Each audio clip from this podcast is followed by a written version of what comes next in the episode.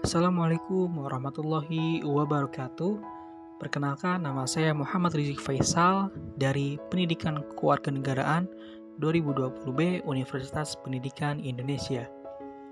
Pada kesempatan kali ini saya akan menjelaskan mengenai sumber-sumber hukum Islam. Nah, sebelum itu kita harus tahu terlebih dahulu apa sih itu hukum Islam. Nah, Hukum Islam atau syariah adalah sistem kaidah-kaidah yang didasarkan pada wahyu Allah Subhanahu wa taala dan sunnah Rasul. Hukum Islam mengatur tingkah laku yang mengikat bagi semua pemeluknya.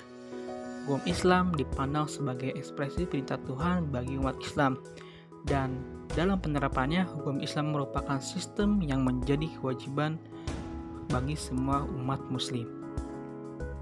Nah, apa sih apa saja yang menjadi sumber hukum Islam itu. Yang pertama ada Al-Quran. Nah, secara bahasa, Al-Quran ini berasal dari kata koroa yang artinya mengumpulkan atau menghimpun.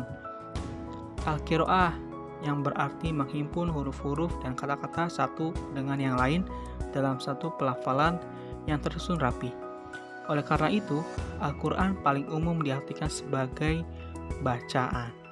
Nah, adapun menurut salah satu ahli yakni Muhammad Ali Ashabuni mendefinisikan Al-Quran sebagai berikut.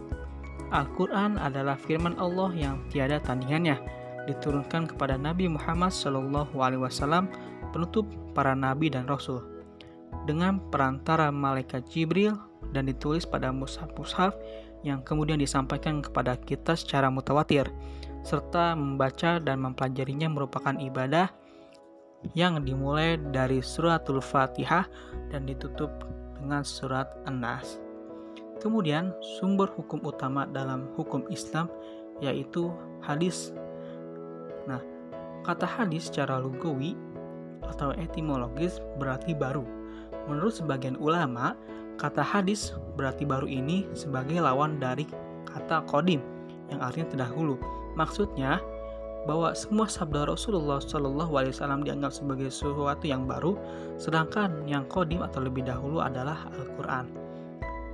Adapun secara terminologis, dalam istilah ilmu hadis, hadis itu didefinisikan sebagai suatu perkataan, perbuatan, dan pengakuan, persetujuan dan ketetapan yang disandarkan kepada Rasulullah Shallallahu Alaihi Wasallam. Selanjutnya ada ijtihad. Secara etimologi, ijtihad berasal dari kata ijtihada yajtahidu ijtihadan yang berarti mengarah mengerahkan segenap kemampuan. Menurut istilah adalah mengerahkan seluruh kemampuan secara maksimal dalam mengungkap kejelasan hukum Islam yang dimaksudkan untuk menjawab dan menyelesaikan permasalahan-permasalahan yang muncul. Nah, dalam konteks lebih lanjutnya, muncul juga hukum-hukum yang baru yakni, seperti ijma dan kias. Nah, saya akan membahas sedikit tentang ijma dan kias. Ijma adalah salah satu metode dalam menetapkan hukum atas segala permasalahan yang tidak didapatkan di dalam Al-Quran dan As-Sunnah. Sumber hukum Islam ini melihat berbagai masalah yang timbul di era globalisasi dan teknologi modern.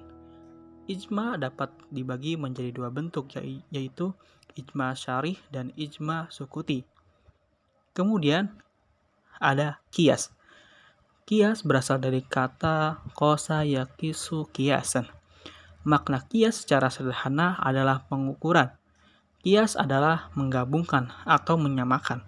Artinya, menetapkan suatu hukum atau suatu perkara yang baru yang belum ada pada masa sebelumnya. Namun, memiliki kesamaan sebab, manfaat, bahaya, dan berbagai aspek dengan perkara terdahulu sehingga dihukumi sama. Dalam Islam, ijma dan kias sifatnya darurat bila memang terdapat hal-hal yang ternyata belum ditetapkan pada masa-masa sebelumnya. Itulah apa yang dapat saya sampaikan, kurang lebihnya mohon maaf. Terima kasih yang sudah mendengarkan dan selamat semangat dan jaga selalu kesehatan. Terima kasih. Wassalamualaikum warahmatullahi wabarakatuh.